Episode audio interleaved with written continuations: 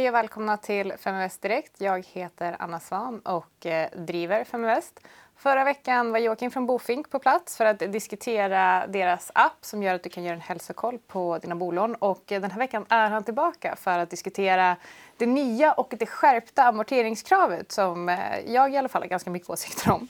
Men jag tänkte innan vi går in på det så kan väl du Jocke bara få dra en snabb sammanfattning om vad det är Bofinks app gör.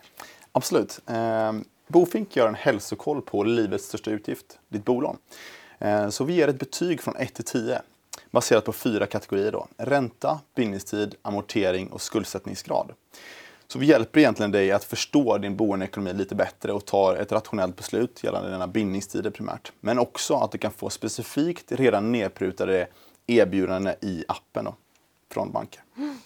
Och eh, om vi ska prata lite om de här amorteringskraven. Vi fick det här nya amorteringskravet från, eh, som började gälla 1 juni 2016 och så fort man började ha landat i vad det mm. faktiskt innebar, det kan vi få bara dra snabbt. Ja precis, men det var ju väldigt många. Jag minns att eh, ett par kompisar i alla fall från, för mig, från, eller till mig eh, uttryckte att det var väldigt så här, ska jag köpa bostad nu? Det var, det var väldigt hetsigt där precis innan. Jag vet inte om du också minns det. Eh, och eh, priserna steg också ganska mycket där. Man såg en, en klar skillnad eh, gentemot kanske det då skärpta som vi kommer komma till. Men, eh, eh, så att vi fick en liten korrigering men sen så sjönk ganska drastiskt då utbudet efteråt och, och, och det stagnerade lite grann i priserna. Eh, men det var väl det man kunde se egentligen från, från det. Eh, men det kravet tycker jag ändå var ganska, ganska rimligt ändå, eh, må jag säga. För det, då handlade det om att eh, om du hade belåning över 70% så skulle du amortera 2% av eh, lånet mm. per år. Och mellan 50 till 70 så var det minst 1 som du skulle amortera per år. Just det. Eh, så säg att man eh, till exempel då köpte en bostad för 5 miljoner kronor i centrala Stockholm och belånade den till 85% Då med ett lån på 4 250 000 kronor. Eh, då skulle man alltså amortera 85 000 kronor per år, cirka mm. 7 100 kronor i månaden. Och då är det utöver den här avgiften som du förmodligen har om det är bostadsrätt plus räntan. Eh, och då alltså, med tanke på det här amorteringskravet så blir att pressa räntan ännu mm. viktigare. Verkligen. Men eh, sen så kom det här skärpta amorteringskravet. Exakt. Vad hände då? Det som trädde i kraft nu här i första mars, mm. inte så länge sedan. Eh, nej, men då, då, fick vi ju äntligen ett, eh, som vi ser det, ett liksom ganska hårt straff mot unga, nya eh, bolånetagare eller eh, bostadsköpare som, som kommer in på marknaden. Där, eh, som egentligen fungerar så att eh, om du lånar över 4,5% av din årsinkomst, så alltså om du ackumulerar din månadslön gånger 12, årsinkomsten och sen tar du det 4 gånger eh, 4,5 så får du eh, ut en summa som är, om du lånar över den summan så ökar eh, din amortering en procentenhet ytterligare.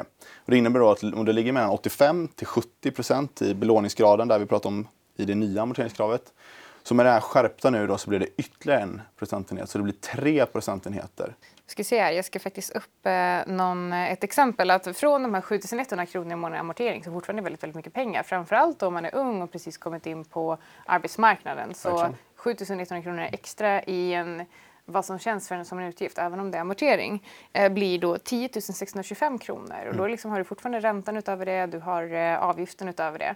Så att eh, den här boendekostnaden är ju nu liksom lite i höjd med de här ocker andrahandshyrorna som vi har. Så att, eh, det är både dyrt att hyra och att köpa.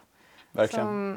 Nej, men så är det ju helt klart. Och någonting som vi, som vi också ser är liksom att det drabbar ju primärt eh, liksom nya bolånetagare. Och, eh, vi har ju någonting som kallas ränteavdrag också. Eh, som, eh, som egentligen är en subventionering kring eh, bostadstagare. Och, och, eh, någonting som man kanske inte pratar så mycket om är ju faktiskt att Eh, det, det, det, här ränteavdraget det gynnar ju framförallt de som redan är inne på bostadsmarknaden som har mycket lån. Där man kan göra rejäla avdrag. Medan eh, de här inte då innefattas av det här skärpta och inte ens det nya eh, amorteringskravet såvida de inte då har kanske bytt bostad eller på något sätt justerat sin bank. Så, eh, det innebär att man subventionerar de som är inne på det som har mycket lån som egentligen inte då kanske behöver en subventionering. Medan man egentligen gör det svårare för nya eh, nya unga personer som kanske flyttar till en storstad som får det väldigt, väldigt tufft att få en bostad hyfsat nära stan. Då. Mm. Mm. Och eh, det jag tycker är eh, vi gjorde i, i höstas när Vänsterpartiet kom med förslaget att höja skatten på investeringssparkonto, ett förslag som sen gick igenom, eh, så ställde jag mig extremt kritisk till det här för att jag sa så här, då uppmanar ni folk att konsumera istället för att faktiskt spara pengar och det är mycket billigare att faktiskt låna än att investera, vilket jag tycker är helt sjukt. Mm. Och eh, genom att göra det ännu svårare för människor att köpa bostad men fortfarande billigt att låna för konsumtion så, så skapar det ännu större klyftor och framförallt då, som du säger unga personer som kanske kommer till en storstad. Det finns säkert många som till och med får tacka nej till jobb för att de faktiskt inte har råd att bo i storstaden. Så det definitivt, ja. Så, och det, det tycker i alla fall jag är extremt problematiskt. Mm. Och, eh, men Va, vad ska man göra då? För att det, mm. med, med det här amorteringskravet som Finansinspektionen har infört mm. så blir det ju som sagt desto viktigare att eh, förhandla ned sin, eh, sin ränta, eller hur?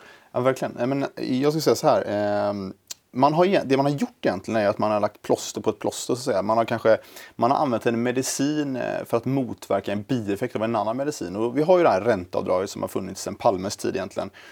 Och som då var ett väldigt bra avdrag egentligen. Man ville få fler folk att investera i bostäder. På den tiden var det liksom något bra, så vi ska inte blamea någon, någon gammal politiker för det här. Men nu så fungerar det inte riktigt. Och det är ju... Eh, det är ju så att klart inte populärt att ta bort ränteavdraget precis nu i ett valår. Så att det gör ju att eh, Finansinspektionen har, fått, har ett visst mandat. De har inte mandat över ränteavdraget. De har bara mandat exempelvis över de eh, regleringar som de har gjort hittills som amorteringskravet.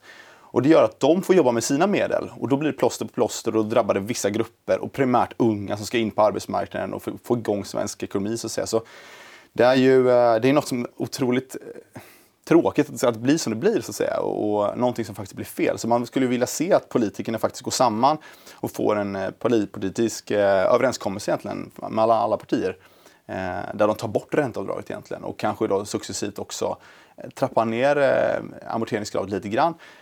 Eller då faktiskt kanske sätter någon typ av något krav på buffertsparande istället. För det är ju mer rimligt, det är lite mer friare och ja, egentligen lite, lite mer liberalt där man liksom får ta ställning själv till och så, vilken typ av risk man skulle vilja ta på det där buffertsparande i så fall. Då. Eh, så något sånt skulle vi se och, och, det är den vägen vi försöker gå lite mer genom att lära folk att okej, okay, om du amorterar för mycket så borde du avsätta en viss del på ett eh, sparkonto eller en, någon typ av eh, investering istället som fond eller aktie. Eh, och även kolla över dina bindningstider så att de har dem rätt baserat på din ekonomi. Och primärt som du var inne på då, försöka sänka sin ränta så mycket det går baserat på sin ekonomi. Då. Så vi vill ju effektivisera hela den här marknaden och göra, göra att man inte, att inte är den som är bäst på att eh, förhandla som, som vinner utan eh, den som faktiskt har minst risk ur ett, ur ett finansiellt perspektiv. Då. Precis, och just det här med att eh, amorteringen gör ju också att eh, hade man, precis som vi sa i förra avsnittet, kunnat investera de här pengarna på ett bättre sätt så att eh, man inte blir av med 2% om vi räknar med inflation per år, eh, så hade ju det varit bättre. Och, eh, så jag är också helt inne på ditt spår att bättre att, eh, att kanske bara amortera 1% per år eller kanske till och med en halv procent. Men också se till så att, så att alla har ett buffertsparande. Det hade också gjort att, eh, att eh, samhället får en annan typ av trygghet. Och, eh, och det, är i alla fall, det är i alla fall någonting som jag tror att hade varit bättre än att stimulera till konsumtionslån och se till så att folk får det svårt att ta sig in på bostadsmarknaden. Och, vad, vad kommer mm. hända egentligen? Jag tror att, jag tror att syftet är att man vill kunna sänka, alltså få ner eh, egentligen bostadspriserna. Mm. Men hittills har vi ju faktiskt inte sett någon, någon jättekorrektion, eller hur? exakt. Vi, vi har sett en korrektion, jag tror det är 10 till 13 procent lite grann i vissa delar av, av, av Sverige.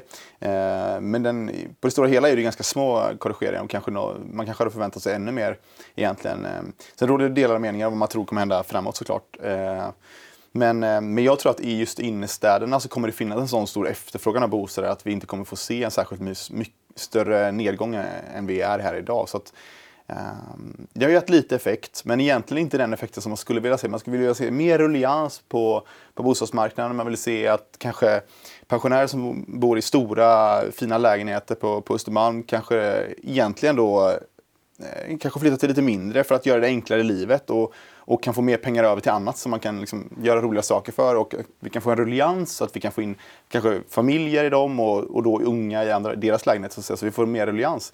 Och det är väl, eh, vi får se vad som händer. Liksom. FI eh, ska egentligen ägna nu, de har sagt att nu blir det inga mer åtstramningar utan nu ska de ägna resten av sin tid här kommande åren på att faktiskt utvärdera de åtgärderna man har satt till så att säga. Precis. Jag hoppas i alla fall att det på ett eller annat sätt blir lättare för unga att komma in på bostadsmarknaden. För det har ju varit ett stort problem och vi ser initiativ som Jopel till exempel som crowdfundar mm. Jag har eh, pratat med andra som jobbar med att starta egentligen obligationer där man kan få hjälp med kontantinsatser för att komma in i, på bostadsmarknaden. Så det finns ju också så väldigt mycket hjälp att få och många som vill jobba med den här frågan. Verkligen. Men det som händer nu när till exempel här med pensionärer stannar i de här mm. stora fina lägenheterna. De har ju, många, många pensionärer har inte så gott om pengar så de har inte råd att byta bostad ens till en billigare för att med de här nya amorteringskraven så blir det mycket dyrare. Exakt. Och, eh, och det blir ju totala motsatsen till vad man faktiskt vill försöka åstadkomma med de här amorteringskraven. För min, för min del är det väldigt svårt att se hur andra inte har kunnat koppla ihop 1 plus 1 och se att det är 2. Men, eh, men det är väl en helt annan diskussion det ska, väl, det ska tilläggas dock att vissa banker kan ju göra avkall just på det här med eh, men vissa, vissa delar, framförallt det här skärpta amorteringskrav, att inte det behöver gälla och så vidare. För pensionärer kan det bli extra tufft mm. liksom, om man ska byta bank och så eh, 4,5 gånger Alltså det blir, då kanske man inte klarar av att bo på liksom, Strandvägen. Men, eh, men ändå, alltså signalvärdet är ju mer eller mindre, för det, men det framgår inte till alla. Alltså, gör man en sån här typ av, eh, av justering och, reglering så, så, så, kommer ju folk bli ganska skraja och inte, det kommer inte nå ut till alla. Så att väldigt många pensionärer sitter nog hemma och tänker så nej, nej, okej, nu kan jag verkligen inte flytta härifrån. Så det, man, signalvärdet är ju egentligen mer eller mindre att sitt still i båten, gör ingenting. Och man vill egentligen få till något annat. Men, men det är egentligen inte FIs fel, skulle jag säga. Utan det är ju på grund av att de gör vad de kan med sitt mandat. Utan problemet är ju liksom politiken, att vi måste få en gränsöverskridande överenskommelse mellan politikerna att ta bort ränteavdraget först. Liksom. För annars så kommer det bara späs på. Precis, och eh, det är kul att du säger det är inte FIs fel, för mm. där har vi det igen. De mm. gör det de kan mm. med det de har, vilket blir det här de försöker medicinera symptomet som beror på en annan medicin istället för att gå in och liksom rota i sjukdomsbilden från början. Och det finns eh, hur mycket exempel som helst på det här. Att, eh, jag har varit ute, för att bara dra en parallell, varit ute och kritiserat att man väljer att eh, låta bolag som en jämställd styrelse kalla sig för jämställda. För att jag säger så här, då låter ni dem sätta i checkboxen när det egentligen kan vara så att bolaget i sig faktiskt inte har en jämställd företagskultur. Men då, då låter ni dem här, strunta i vad som egentligen är mm. problemet. Och det här blir lite samma sak. Mm. Eh, så jag hoppas verkligen att vi får se någon typ av eh, förändring. Men, eh, men vad tycker du att man ska tänka på då? Om man nu, om man nu ska köpa bostad och man står inför det här amorteringskravet, vad kan man göra? Ja, eh, nej men dels så, så får man väl, man, ja, det är inte så mycket att göra egentligen. Man, man drabbas ju av, det, av kravet om man, eh, om man nu hamnar i de här olika eh, delar, facken då, så att säga. Eh, det man kan göra tidigt, liksom, om man är väldigt ung, är att försöka jobba på att spara ihop till en bra kontantinsats så att man inte behöver ha så mycket lån. Då. Mm. För då, då är det faktiskt så att då kan man ju faktiskt klara sig och kunna kanske få en, en bostad på, eh, i innerstan ändå, trots att man inte kanske har den största ingångslönen eh, för att man har mindre lån. Då. Eh, så det är väl att önska sig eh, julklappar och presentpengar eh, till kontantinsatser var jättebra. Och sen så kan jag tycka att i Norge har de också en väldigt bra grej med att bankerna subventionerar de, genom att ge en lite högre ränta på ett sparkonto som är helt dedikerat till kontantinsatsen för sin första lya. Då. Och det är ju någonting som jag definitivt tycker att eh, Sverige skulle nästan kunna lagstifta in och att bankerna skulle kunna erbjuda. Det är ju någonting som vi i Bofink gärna skulle liksom vilja se i våra framtida tjänster att kunna eh, kunna ha någon sån typ av, av eh, sparande till första kontantinsatsen där man visar på ett, liksom, Eh, ett förtroende och en dedikation till att jag ska minsann spara ihop till min kontantinsats, sätter in kanske en månadspeng och på så sätt eh, kanske kan få lägre punkt på räntan sen när man får bolån. Men också att man kanske får en hyfsad sparränta trots allt. För att det är något bra för samhället. Och det tycker jag nog ska subventioneras av staten. Det hade varit något väldigt bra. Mm, jag håller helt med. Så hoppas att vi kan eh, få in det här någonstans i framtiden. Men tack så jättemycket för att du var här. Tack så mycket. och, eh, vi kommer flagga för så fort bolåneskolan mm. är ute och eh, ni kommer få träffa Jocke igen. Tack så jättemycket. Tack, tack.